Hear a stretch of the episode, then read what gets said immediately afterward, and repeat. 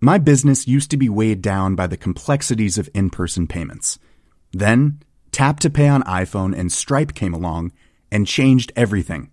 With Tap to Pay on iPhone and Stripe, I streamlined my payment process effortlessly. Now I can accept in person, contactless payments right from my iPhone. No extra hardware required. What's truly remarkable is how I can cater to all of my customers' payment preferences. Whether they're using cards, Apple Pay, or other digital wallets, Tap to Pay on iPhone and Stripe ensure a smooth checkout experience every time. And it's not just me. Stripe helps businesses of all sizes, from local markets to global retailers, scale quickly and stay agile. To learn how Tap to Pay on iPhone and Stripe can help grow your revenue and reach, visit stripe.com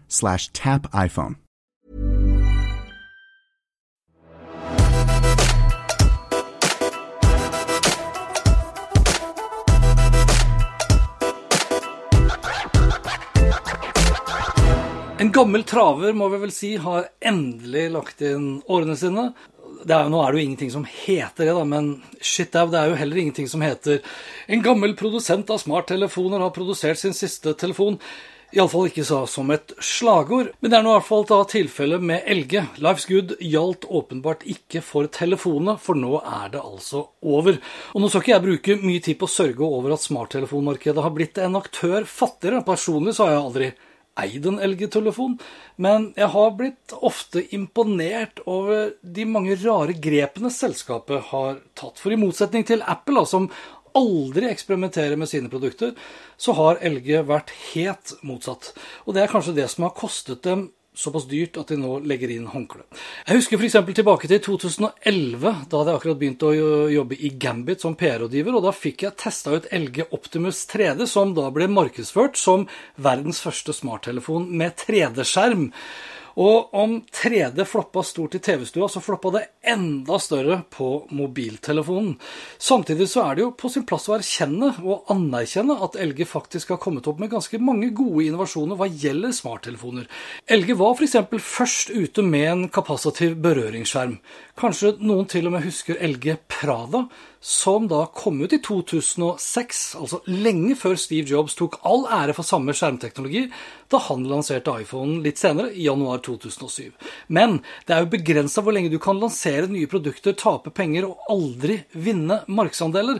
Og det heter seg jo også at for at noe skal være innovativt, ja, så må det være noe nytt, det må være nyttig, og ikke minst nyttiggjort. Og Elge var kanskje god på nytt, men traff ikke like godt på nyttig, og ikke minst da nyttiggjort. De viste vei i mange tilfeller, men gjerne da for andre, og ikke seg selv. Bare i løpet av de siste seks årene så har Elge tapt over 38 milliarder kroner på smarttelefonene sine, og globalt har markedsandelen ligget stabilt på ca. 2% I Norge så har vi vel aldri opplevd at verken Telenor, Telia eller Ice har har oppført Elge som en av de ti mest solgte telefonene sine i sine månedlige oversikter. Og ifølge StatCounter så oppnådde Elge sin største markedsandel her i Norge, vel å merke da på mobil datatrafikk i 2016 på knappe 1,6% Ifølge samme Statscounter så er markedsandelen så langt i 2021 på rekordlave 0,16 altså en tiendedel. Jeg kan faktisk ikke huske sist gang jeg møtte på eller kjente til noen som hadde en smarttelefon fra LG. Samtidig så har markedsandelen til f.eks. Apples iPhone faktisk da vokst til å godt over 60% på Statcounter, noe som er det høyeste på ti år og jeg da som spådde starten på slutten for iPhone for to år siden. Vi vil stanse produksjonen og salg av mobiltelefoner pga. fortsatt nedgang i salget og hardere konkurranse, skriver da det sørkoreanske selskapet i en børsmelding. Og de skriver da videre i pressemeldingen at de vil nå flytte ressurser fra smarttelefondivisjonen over da til elektriske biler. For LG Electronics de inngikk ved slutten av 2020 en avtale med canadiske Magna International, som er en av de største underleverandørene til den globale bilindustrien. Da jeg gikk inn på lg.no for å lese mer om avgjørelsen til eh, selskapet, så kom jeg derimot inn på Lærdal Grønt, ei sammenslutning av frukt- og grøntprodusenter i Lærdal, som helt sikkert har opplevd økt nettrafikk de siste dagene. Jeg har lyst til å runde av eh, dagens vloggepisode med litt reklame for LG Wing, selskapets siste smarttelefon som ble lansert for kun et halvt år siden men som aldri, etter hva jeg vet, rakk å komme ut i butikkene, og det er kanskje like greit.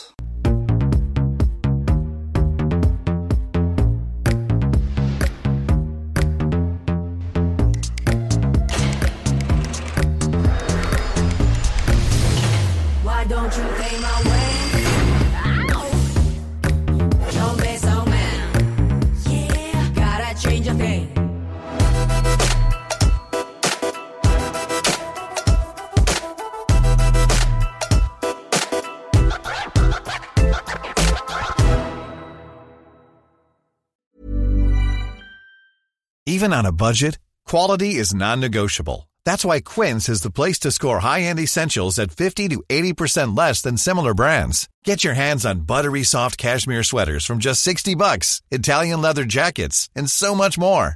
And the best part about Quince, they exclusively partner with factories committed to safe, ethical, and responsible manufacturing. Elevate your style without the elevated price tag with Quince. Go to quince.com slash upgrade for free shipping and 365-day returns. My business used to be weighed down by the complexities of in person payments. Then, Tap to Pay on iPhone and Stripe came along and changed everything. With Tap to Pay on iPhone and Stripe, I streamlined my payment process effortlessly. Now I can accept in person, contactless payments right from my iPhone. No extra hardware required. What's truly remarkable is how I can cater to all of my customers' payment preferences. Whether they're using cards, Apple Pay, or other digital wallets, Tap to Pay on iPhone and Stripe ensure a smooth checkout experience every time. And it's not just me. Stripe helps businesses of all sizes, from local markets to global retailers, scale quickly and stay agile. To learn how Tap to Pay on iPhone and Stripe can help grow your revenue and reach, visit stripe.com slash tap iPhone.